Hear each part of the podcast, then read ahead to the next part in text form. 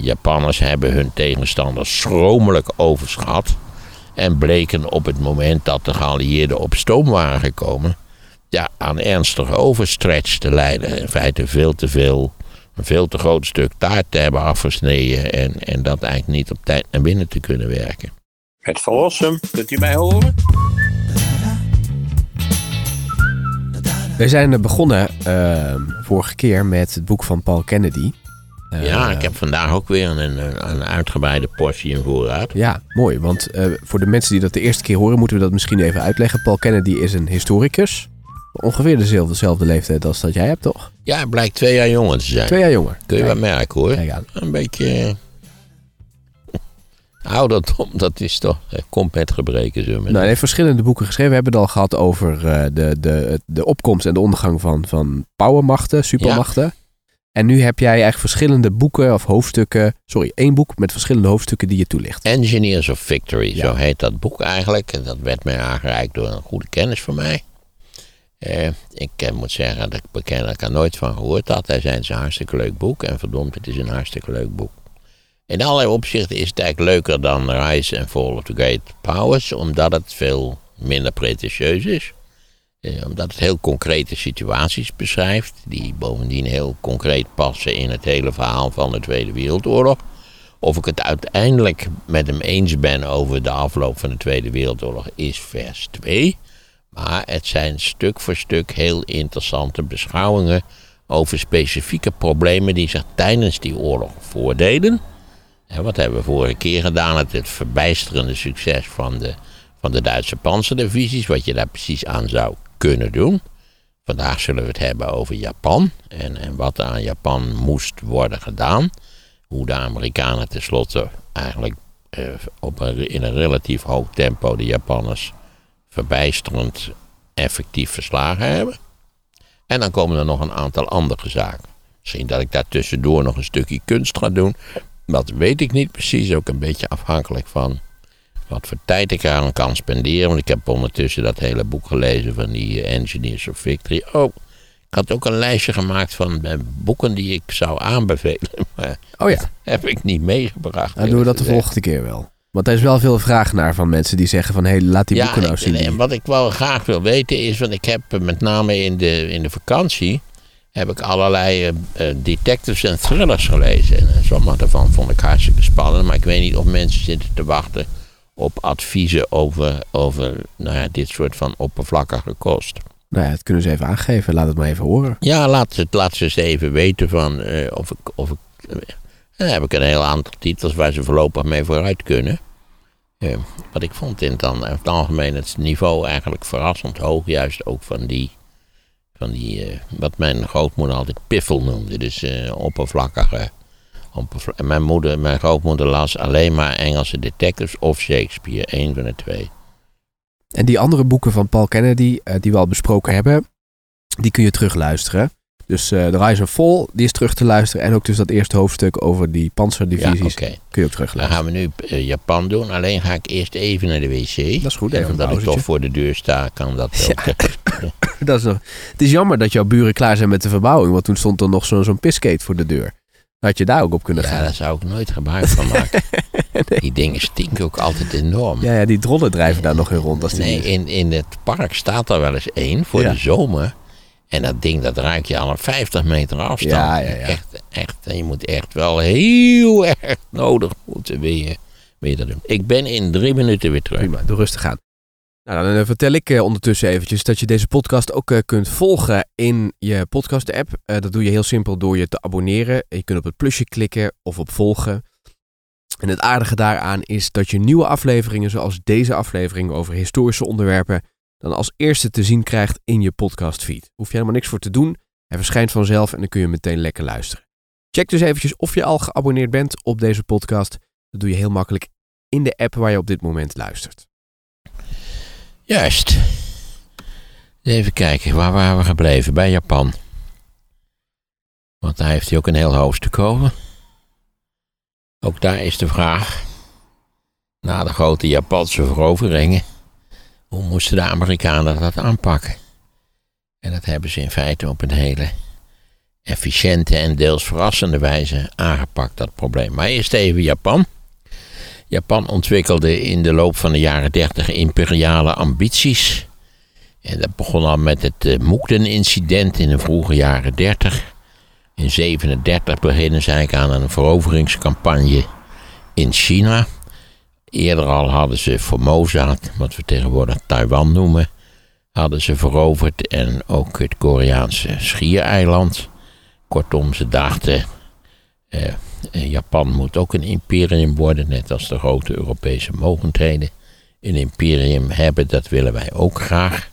37 begint de verovering van, eh, van China, grote delen van China, eh, wat vaak met veel geweld gepaard gaat. Dan breekt de oorlog in Europa uit. En dat stelt ze in staat om in 1940 in feite Frans Indochina te veroveren. En dan trekken ze ook maar even door. En dan eh, komt tenslotte ook Nederlands-Indië komt ook op het programma te staan. Singapore ook. En niet waar, dat wordt eh, passend afgesloten met Pearl Harbor. Waarbij eh, vier grote Japanse vliegtuigschepen eh, via een, eh, een noordelijke route richting Pearl Harbor gaan en daar het groot deel van de Amerikaanse slagvloot tot zinken brengen. Eh, gek genoeg waren de twee grote vliegtuigschepen die de Amerikanen daar hadden liggen, die waren buitengaats, dus die zijn niet getroffen. De Lexington en de Yorktown, en die hebben daarna ook in die begin van die oorlog van Japan met de Amerikanen een belangrijke rol gespeeld. Maar uh, laat even je gedachten gaan over hoe de situatie nu in feite is. Uh, de Japanners hebben grote delen van China veroverd. De Japanners hebben in feite heel Zuidoost-Azië, inclusief uh, het Nederlands-Indië, hebben ze veroverd. En ze hebben bovendien de Amerikaanse Pacific Vloot een enorme slag toegebracht, dachten zij. Dat bleek achteraf allemaal nogal mee te vallen. De haven in Pearl Harbor is ondiep. Die, schepen waren eigenlijk gewoon op de bodem, op de ondiepe bodem vast komen te zitten. Een groot deel ervan is gewoon weer eh, opgekalevaterd en heeft verder in de oorlog dienst gedaan. Ik geloof dat er maar één is die echt onder water is gebleven. Het wrak, dat kun je nu ook, ook nog gaan bezichtigen. Ik dacht dat dat de Arizona was. Maar als je even nadenkt over wat voor situatie was ontstaan, dan kun je je meteen de vraag stellen: wat zouden de Amerikanen moeten gaan doen om Japan te verslaan?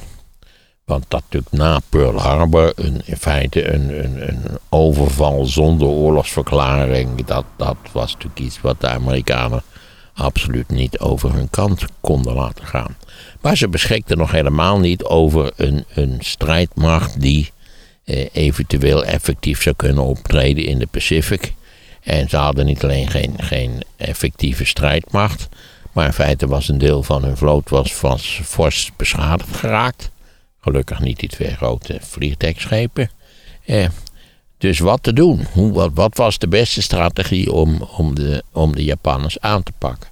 Ik moet er bij voorbaat bij zeggen dat, laat maar zeggen, de, de macro-economisch eh, de Verenigde Staten een veel grotere partij waren dan de Japanners. Ik denk dat, dat de Amerikaanse economie toch gauw zes keer zo groot was als de Japanse economie. Maar de Japanners hadden gedacht, als we nou een enorme klap uitdelen aan het begin, dan zullen die Amerikanen die toch, ja, die hebben allemaal jazzmuziek en die maken feest en die, zijn een beetje slappelingen toch, die, die, nou ja, wat, wat dit type van landen altijd, hè, van kun je van Poetin ook weer horen, het Westen, allemaal slappelingen en zo. Ja, daar vergissen ze zich in het algemeen altijd in. Zo ook nu, maar dat was het idee van de Japanners. We hebben zo'n klap uitgedeeld dat, dat de Amerikanen zullen ons wel laten zitten hier in het oostelijke deel, sorry, in het westelijke deel van de Pacific. En dan moet je dus de vraag stellen, de Amerikanen waren vast van plan om Japan te verslaan. Hoe dan? Wat, wat, wat is dan in principe de beste strategie? En er waren verschillende mogelijkheden. Je zou de Japanners via China aan kunnen vallen. Maar ja, dat, daar, als je daar even over nadenkt, als logistiek een gigantisch probleem. Hoe zouden de Amerikanen daar wapens krijgen? Je zou dus de Japanners kunnen aanvallen, laten we zeggen, via Zuidoost-Azië. Zeg vanuit bijvoorbeeld Nederlands-Indië opererend omhoog naar Maleisië en dan even via het Chinese kustgebied richting Japan. Ook nog een strategie, maar ook logistiek eh, een ontzettend lastig probleem in feite. Eh, dus dat, was, dat lag ook niet voor de hand, vooral omdat het natuurlijk ook allemaal rimboe was. Hè? Allemaal tropisch, eh, tropisch oerbos. Tegenwoordig denk ik in veel mindere mate, maar toen was dat wel het geval. Dan kon je nog in feite aanvallen via een soort van uh, zuidoostelijke route in de Pacific. Zeg maar via Nieuw-Guinea en dan omhoog door, als je even omhoog steekt, via de Filipijnen.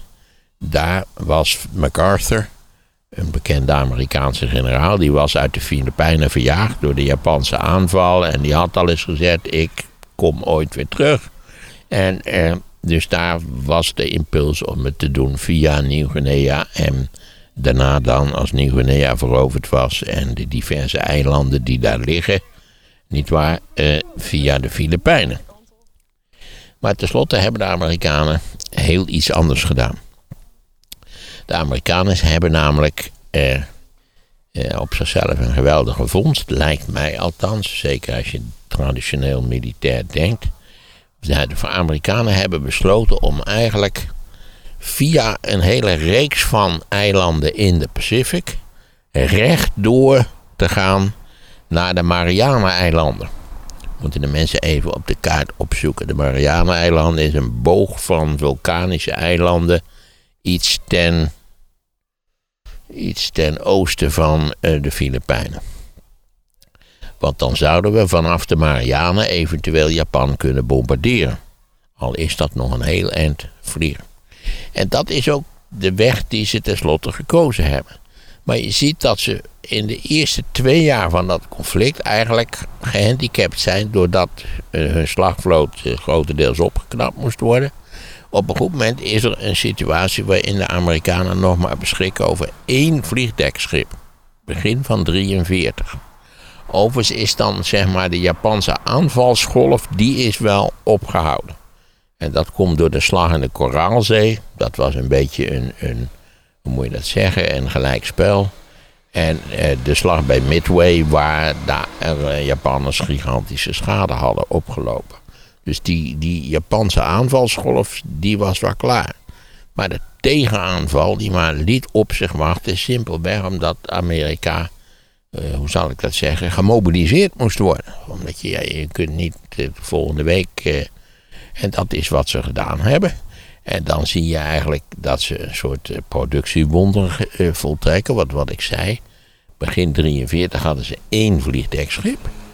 En aan het eind van 43 hadden ze zes grote vliegdekschepen van een geheel nieuw en revolutionair ontwerp. En plus bovendien een hele reeks van kleinere ondersteunende vliegdekschepen. Uh, en ze beginnen eigenlijk. Je kunt zeggen dat, dat de aanval op Japan en, en uh, die aanval via die diverse eilandengroepen in de Stille Oceaan. Dat is allemaal afhankelijk van die wat zij een carriergroep noemden. Dus dat een groot vliegdekschip ondersteund door kruisers, torpedobootjagers, eigenlijk functionerend als één gevechtseenheid. Daarin, eigenlijk is dat nog steeds de kern van de Amerikaanse uh, marine. Carriergroepen, grote carriergroepen. En dat geldt ook nu in feite. En de Japanners hadden dit niet verwacht? Ja, nou, niet in deze omvang, laten we het zo zeggen. De Japanners hadden in Midway wel vier grote vliegtuigschepen verloren. Dat is een hele wonderlijke slag. Ik zal nou niet eh, ingaan op, op wat voor wonderlijke tactische gebeurtenissen daar zich daar hebben voltrokken. Maar daar hadden de Japanners toch wel een enorme klap opgelopen. En de Japanners hadden natuurlijk hebben wel allerlei nieuwe dingen gebouwd maar hadden lang niet het productievermogen waarover de Amerikanen beschikten. En uiteindelijk heeft dus eh, Amerika besloten om weliswaar al die mogelijke aanvalsroutes enigszins open te houden. Zo van, daar zouden we druk op kunnen zetten. Al was het waar om de Japanners af te leiden natuurlijk. Want je moet je voorstellen dat het overgrote deel van het Japanse leger bevond zich in China. En, en, en eigenlijk niet op de waar wel Japanse uh, bezetters op die diverse eilanden. Die zou, moesten ook veroverd worden. Eh, en je kunt dan, nou ja, je kunt dat eigenlijk zien. Eerst krijg je de Gilbert-eilanden, dan krijg je de Marshall-eilanden en dan tenslotte krijg je de Marianen. En aanvankelijk hebben de Amerikanen grote verliezen geleden bij het veroveren van die eilanden. Een van de allereerste eilanden die ze aanpakken, een eiland wat ook qua afmetingen niets voorstelt, Tarawa. Daar ging eigenlijk alles mis en daar vallen dan duizend doden en daar waren ze wel geschokt door. Maar ze moesten ook eigenlijk leren hoe ze in principe die eilanden het beste konden veroveren. Tegelijkertijd doen ze ook wel dingen, dus laten we zeggen via die zuidoostelijke route die ik eh, heb aangegeven. Maar tenslotte besluit is, is de hoofdroute via rechtdoor, als het rechtdoor, niet, waar, niet naar school en kantoor, maar door de Pacific heen naar die Mariana-eilanden. En dan met name, ik geloof de zuidelijke drie, dat is, uh, dat is uh, Guam, Sampan en Tinian. Tinian is een, een, ook weer een piepklein eiland, een vulkanisch eiland, maar heel vlak. En daar hebben ze een hele reeks van grote uh, vliegvelden aangelegd. Maar nu was aan de orde, hoe moet je dan Japan bombarderen? Dat is nog een hele afstand. En bovendien zit je natuurlijk nog met het probleem. Moet je bang zijn voor Japanse eh, aanvalsvliegtuigen, zoals dat ook het geval was geweest in Duitsland. Dat wordt eigenlijk naarmate die oorlog vordert, in toenemende mate valt die Japanse dreiging weg. De Japanners hadden overigens een voortreffelijk modern vliegtuig, de Zero. Maar eh, de Japanners kregen al heel snel te maken met een probleem waar ook de Duitsers mee worstelden, namelijk een gebrek aan getrainde piloten. Want er vielen natuurlijk, eh, ze hadden steeds, er vielen steeds eh, vliegtuigen uit de lucht, zou ik maar zeggen, werden neergeschoten. En meestal ging dan ook de piloot daarbij verloren. En gek genoeg, de Amerikanen hadden eerder te veel getrainde piloten dan te weinig getrainde piloten. Maar zowel Duitsland als Japan hebben steeds te maken gehad met een tekort aan getrainde piloten. Wat deels ook veroorzaakt werd door het feit dat ze te weinig toestellen hadden om die mensen langdurige training aan te bieden. Dus het werd allemaal haastwerk, waardoor ze in principe minder competent waren dan de Amerikaanse piloten. En hoe gingen ze Japan bombarderen? Nee, laat ik eerst iets zeggen over die vliegtuigen, die vliegdekschepen. Want die werden bovendien uitgerust met een nieuw toestel, wat ook uh, in zeer grote aantallen gebouwd is in de Tweede Wereldoorlog. En dat was de Hellcat. Je naam voor een toestel. Uh, als je het plaatje bekijkt van de Hellcat, dat is een, hoe zal ik dat nu eens zeggen, op zijn Engels, is een sturdy plane. Het ziet er, het ziet er solide uit. Het ziet er niet het is een van de meest minst blitsogende gevechtsvliegtuigen die ik zo 1, 2, 3 zou kunnen verzinnen. Vergeleken met een Spitfire bijvoorbeeld zeg je, nou, ik vind die Hellcat een beetje een lompe ding eigenlijk. Maar ze bleken enorm solide te zijn. Er is ooit een Hellcat teruggekomen die 200 kogelgaten in de romp had en die toch kennelijk nog kon vliegen. Uh, en die Hellcat was dus in de, in de in de strijd tegen de Japanse vliegtuigen bleek die enorm effectief te zijn. Die Hellcats die hebben duizenden Japanse jagers neergeschoten. Ik geloof meer dan 5000. En daarbij zelf maar 250 of 260 eh, Hellcats te, te betreuren gehad. Maar nu de kwestie natuurlijk van het bombarderen. Hoe gaan we dat doen? En eigenlijk hadden ze al vanaf de late jaren 30 een ontwerp gemaakt voor een soort superbommenwerper. En dat werd de B-29. Eh, volgens uh, Kennedy een wonderwapen. En en het, nou ja, achteraf denk je van ach, het valt allemaal wel mee. Maar dan kwam dat natuurlijk, toen was het nieuw. Waarom vond hij dat eigenlijk? Nou, omdat het toch wel een bommenwerper was met, met unieke eigenschappen. Ik weet niet of je ooit je plaatje hebt gezien van de B-17. Uh, Amerikaanse bommenwerper. Dat is wel een vrij groot, ruim ogend ding. Mia die nu besloten heeft om over mijn hand te lopen. Hij is in een totale verwarring geraakt. Zo. Ja, ik heb hem weg moeten blazen, dames en heren. Begint toch, het lijkt je toch af zo'n beetje wat, wat voortdurend nerveus over je hand heen rent. Um, nou ja, de, de B29 was twee keer, zo zwaar, twee keer zo zwaar als een B17. En dat niet alleen. Hij kon op, uh, uh, wat is het, uh, de 35.000 voet vliegen. Dus reken maar even uit. Voor het gemak maken we er 36.000 van. Dus op 12 kilometer hoogte. Een beetje zoals moderne, zoals moderne verkeersvliegtuigen vliegen. Maar goed, die hebben straalmotoren, dat is allemaal anders geworden. Maar de B-29 kon ook op die hoogte vliegen. En bovendien met snelheden ver boven de 500 kilometer per uur. Met als gevolg dat ze feitelijk onkwetsbaar waren voor afweergeschut en bovendien ook voor Japanse jagers. Dus ze hoefden eigenlijk nauwelijks begeleid te worden. Ze zijn ook wel begeleid door die P-51 Mustang, maar echt nodig was dat in feite niet. Dus zodra de Marianen veroverd waren, dat zal zijn geweest hoe je ergens eh, eind 44, begin 45, beginnen de Amerikanen, kunnen de Amerikanen eigenlijk min of meer zonder onkwetsbaar Japan bombarderen. En dat hebben ze ook gedaan. Alle grote Japanse steden zijn in principe weggebombardeerd met als treurig eh, hoogtepunt het, het vuurbombardement op Tokio in maart 45. Daarbij vallen dan tenslotte 130.000 doden.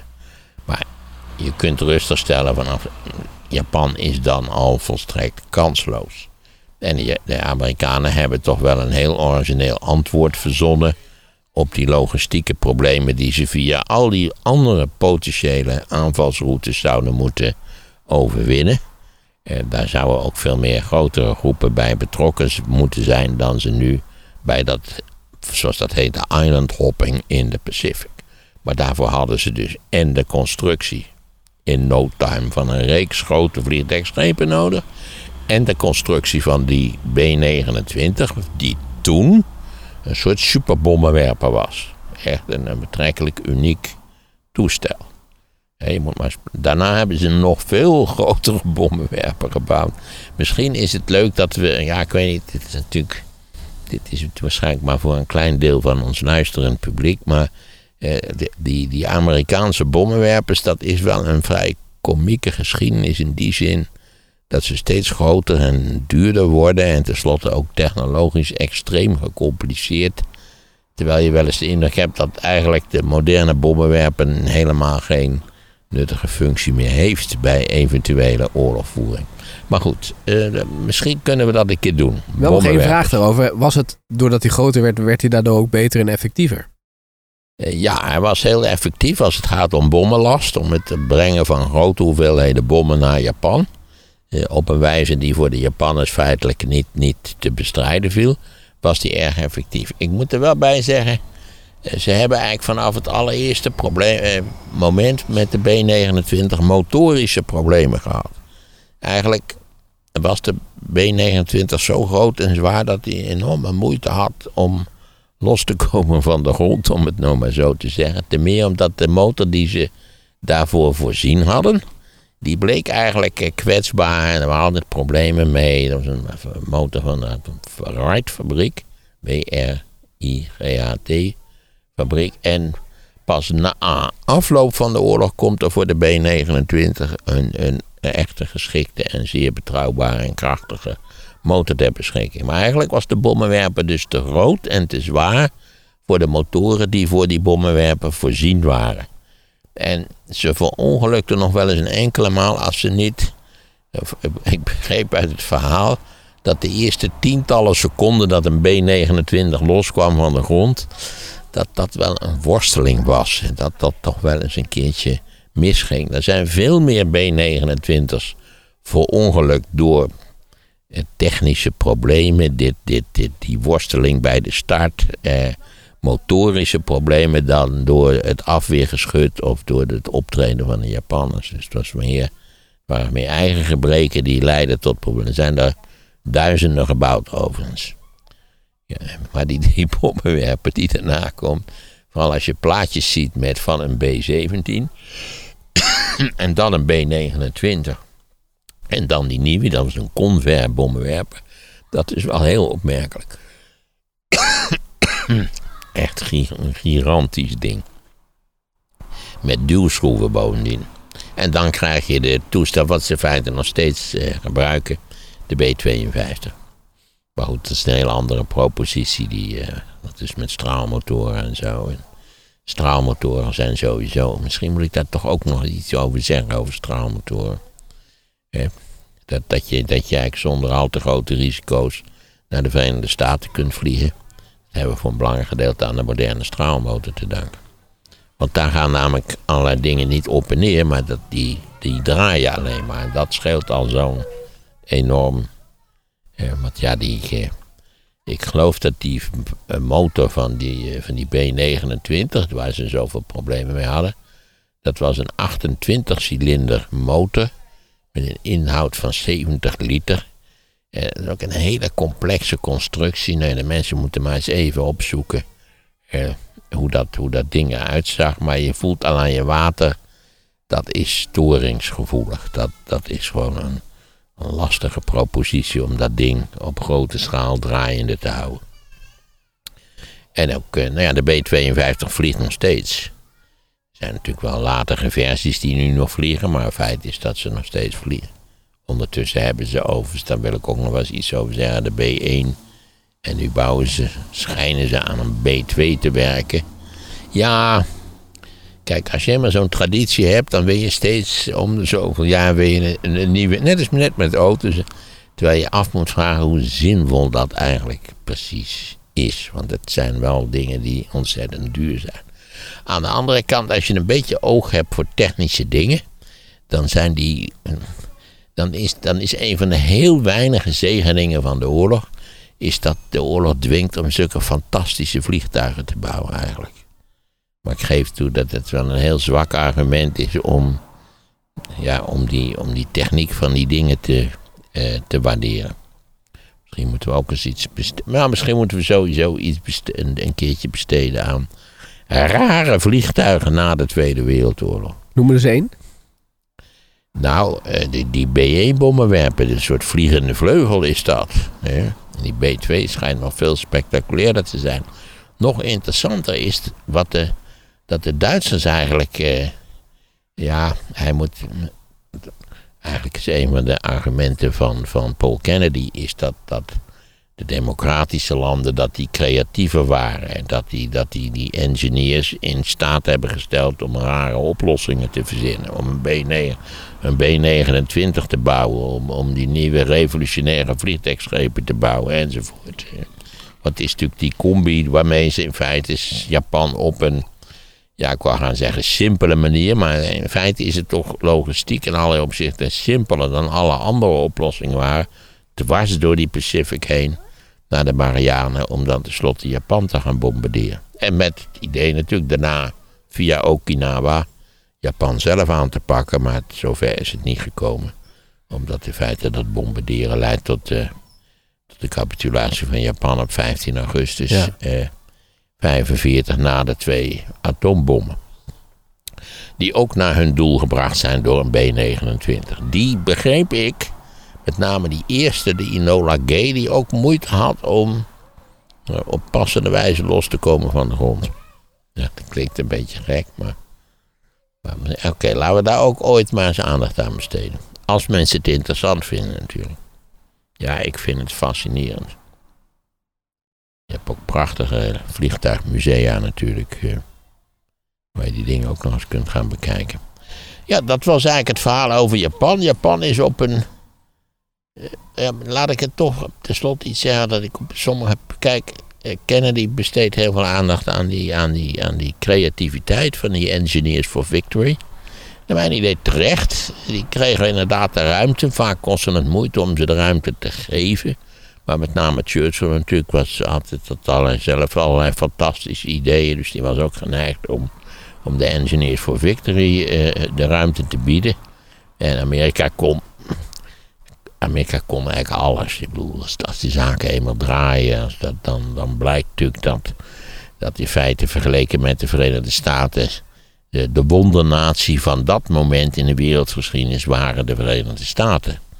En, en die, eigenlijk waren geen van de andere landen, waren ook maar in de verste verte productietechnisch en technisch-technisch een partij voor de Verenigde Staten. Dat was voor de Verenigde Staten was gewoon een totaal andere categorie, daar kwam het op neer. En, en natuurlijk ja, systematisch onderschat door de, door de ambitieuze tegenstanders Italië, Duitsland en Japan. Ja. Die dachten van ah, we kunnen wel winnen, maar eh, dat zie je ook in die Tweede Wereldoorlog. De Tweede Wereldoorlog bestaat eigenlijk uit twee stukken. Namelijk de eerste twee jaar. Nou, niets dan successen voor de asmogendheden. Denk aan die Duitse panzerdivisies. Denk aan die enorme Japanse veroveringen nietwaar, in Azië. Eh, ik ben nog vergeten, dus bij de Japanners hadden de Japanners duikboten. Ja, die hadden ze, die hebben ze helemaal verkeerd gebruikt. Hadden de Amerikanen duikboten. Ja, die hadden ze veel grotere duikboten dan in Europa te doen gebruikelijk was. En die hebben die Amerikanen juist heel effectief gebruikt. Want de Japanners hebben ook veel te laat eh, begrepen dat ze hun, hun olietankers en dat soort van dingen moesten beschermen tegen de aanvallen door duikboten of door vliegtuigen. Maar je moet natuurlijk, kijk, het in Nederlands-Indië is alleen veroverd vanwege de olie. Die olie moest wel natuurlijk van Nederlands-Indië naar Japan gevaren worden. En nou ja, die, die, die tankers die werden in feite in onvoldoende mate beschermd door de, door de Japanners. Met de duikboten. Met de duikboten, ja. Wat deden de Japanners dan met de duikboten? Nou, deels hadden ze hele grote duikboten die ook wel werden misbruikt als vracht, een soort van onderzees vrachtschip, omdat ze die, die bezettingen van al die eilanden in de Pacific moesten bevoorraden. En dat werd steeds moeilijker naarmate de Amerikanen succesvoller waren boven het wateroppervlak. Ging dat praktisch goed dan? Want uh, je hebt beperkte opslagmogelijkheden op zo'n duikboot. Ja, waren hele grote duikboten. Sommige daarvan las ik tot mijn verbazing waren een soort van onderzeese vlierdekschepen eigenlijk. Ken ik als ze boven de, als ze aan, aan, aan, de, aan, de, aan de zee boven de gewoon normaal voeren, dan, dan kon je ze gebruiken als vliegdekscheep. Dus het was een beetje een. Nou maar, maar hoe dan ook, ze werden slecht gebruikt. Maar nog even terug naar. De Tweede Wereldoorlog bestaat steeds uit twee stukken. Namelijk het stuk dat de asmogendheden in het offensief zijn. Enorme successen boeken. En natuurlijk, ja, de, de, tegenstanders, de geallieerden, nog niet, nog niet de zaken op orde hebben. De industrie draait nog niet. Ze weten nog niet hoe ze bepaalde problemen moeten aanpakken of oplossen. En dan zie je het kantelpunt in de Tweede Wereldoorlog, die dus uit twee stukken bestaat. Eén stuk van louter winst van de asmogendheden.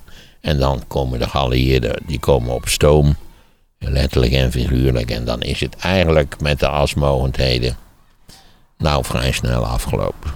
Daar, komt het eigenlijk op neer. Hè? Denk maar aan, aan wanneer begint die Amerikaanse aanval in de Pacific te draaien. Dat is dus vanaf het begin van 43, zeg maar, nee, in de loop van 43. Nou ja, het is in, in, in anderhalf jaar is klaar. Dan komt, dan komt het eigenlijk een grote trek op neer. En dat zie je steeds in de Tweede Wereldoorlog een, een fase van offensief van de asmogendheden. En dan een fase van dat de geallieerden echt serieus bezig gaan. En dan is het eigenlijk ook vrij snel klaar. Je kunt zeggen dat en voor de even afgezien van Italië. Wat zo, zo, sowieso een beetje het kneusje van dit gezelschap was. Want daar is natuurlijk al in 43 helemaal mee afgelopen. Maar zowel de Duitsers als de Japanners hebben hun tegenstanders schromelijk overschat. En bleken op het moment dat de geallieerden op stoom waren gekomen ja, aan ernstige overstretch te leiden. In feite veel te veel, een veel te groot stuk taart te hebben afgesneden en, en dat eigenlijk niet op tijd naar binnen te kunnen werken.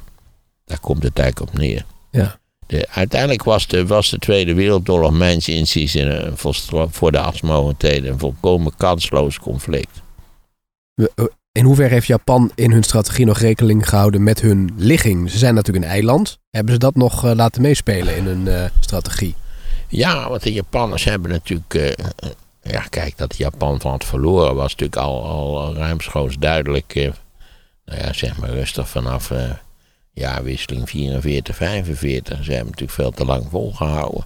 Dat kwam ook omdat de, de Amerikaanse, de Japanse militairen niet van opgeven wisten. Die wisten, die wilden liever vechten ten onder gaan dan, dan, dan capituleren. Ja, dat is natuurlijk allemaal betrekkelijk stom. Hetzelfde had ik voor Duitsland. Duitsland had de oorlog verloren. Nou ja, kunnen we het ook nog wel eens over hebben. Maar eigenlijk had Duitsland de oorlog verloren vanaf december 41. Voorbeeld is toch op Texel, waar ze ook nog lang hebben doorgevochten? Ja, maar dat is van een krankzinnigheid. Maar goed, dat, gaat, dat zijn hele, hele kleinschalige operaties natuurlijk. Je kunt altijd op plekken waar de tegenstander er niet is of niet aan gedacht heeft, kun je nog, kun je nog hele leuke successies boeken in principe. Eh, maar de- ondanks alle engineers en, en de ongelooflijke creativiteit en inventiviteit die, die hoog geprezen moet worden, die zeker ook, ook in het geval van, van de Pacific een, een, eh, tot eigenlijk een hele passabele en razendsnelle oplossing heeft eh, geleid, want anders zou het misschien langer hebben geduurd, moet je eigenlijk zeggen dat zodra de productiemachine draait, eh, dat de asmogendheden geen enkele kans meer hadden. Ook als we helemaal niet erg creatief waren geweest, dan nog. Dat misschien wat langer kunnen duren. Oké, maar het, het, de, de verhoudingen zijn zo scheef op een goed moment dat. eh, eh, dus dan kom ik weer terug op dat boekhouder was won, als je dat nog herinnert. Ja. Van die meneer O'Brien die eigenlijk zegt, ja, je kunt er lang over lullen, je kunt er kort over lullen. Maar in feite is, is de as gewoon weggeproduceerd. Het had iets langer kunnen duren, het had misschien iets korter kunnen duren. Het was fijn dat die engineers allemaal van die lollige oplossingen bedachten. Maar het was altijd, de asmogendheden hadden altijd verloren. Maar daar kun je nog wel de vraag stellen, had Duitsland kunnen winnen? Wanneer dan en hoe dan? Misschien moeten we daar een keer over speculeren. Dat heb je al eens gedaan. Heb ik alles gedaan? Ja, je hebt al eens gezegd, had, had Duitsland kunnen winnen. En toen heb je ook het jaartal genoemd waarin dat dan had moeten plaatsvinden. Ja, eigenlijk. De enige mogelijkheid die ik, die ik zie is dat Duitsland meteen na de Franse nederlaag van 1940. Dat is natuurlijk een huzarenstukje eerste klas. Dat is in drie weken in feite Frankrijk. Ja, daar is iets langer gevochten, maar na drie weken was al duidelijk hoe het zou gaan aflopen. En toen hadden ze meteen moeten zeggen: Nou, god, dat is ongelooflijk. Het is meer dan we ooit gedacht hadden. Eh, en we- dan hadden ze, hadden ze een hele sympathieke, eh, fijne vrede moeten voorstellen. Waar iedereen van zegt: van God, hoe is het mogelijk dat ze na deze overwinning toch zo'n fijne vrede voor zijn? Maar de, het, het kwestie was: het, daar ging het Hitler helemaal niet om. Het ging Hitler om zijn achterlijke imperiale ambities ten koste van de Sovjet-Unie. Dus in die zin was het nooit een reële mogelijkheid. Er was niemand daar bereid om in de zomer van 40 eens, eens aan tafel te gaan zitten en te zeggen van nou, ik Ja. vind het wel goed zo. Ja. Maar verder zie ik geen mogelijkheden voor Hitler om, en zeker voor de Japanners niet. Dit was dus het hoofdstuk Japan. Wat is de vol- het volgende hoofdstuk wat we gaan bespreken? Het volgende hoofdstuk is, is, gaat over bombarderen in Europa. Omdat ze eigenlijk dachten dat, dat dat bombarderen dat ze dat heel goed konden en dat ze heel precies konden mikken. En al die dingen bleken, daar bleek niets allemaal van te kloppen. En ze is en dan... bovendien, die bommenwerpers bleken enorm kwetsbaar te zijn als ze bij dag opereerden. En ook nogal kwetsbaar als ze bij nacht opereerden. Dus wat was de oplossing? Om die bommenwerpers min of meer veilig te laten bombarderen en terugkeren. En, en ze is dan wie dacht dat ze goed konden bombarderen? De Amerikanen of, En de Engelsen. en de Engelsen? Ja. Oké. Je hebt geen idee hoe moeilijk goed bombarderen is. Nee. Ja, je denkt, ga er boven vliegen, trek het luik open, baf, bommen vallen naar beneden. Zo werkt het helemaal niet. Oké. Vragen over dit onderwerp zijn van harte welkom. Kun je achterlaten in de WhatsApp-groep van deze podcast. Linkje naar die WhatsApp-groep vind je in eh, de beschrijving onder deze podcast. En daar staat nu ook de video waarin Maarten zijn afscheid bij de slimste mens aankondigt. Check het dus via de link in de show notes.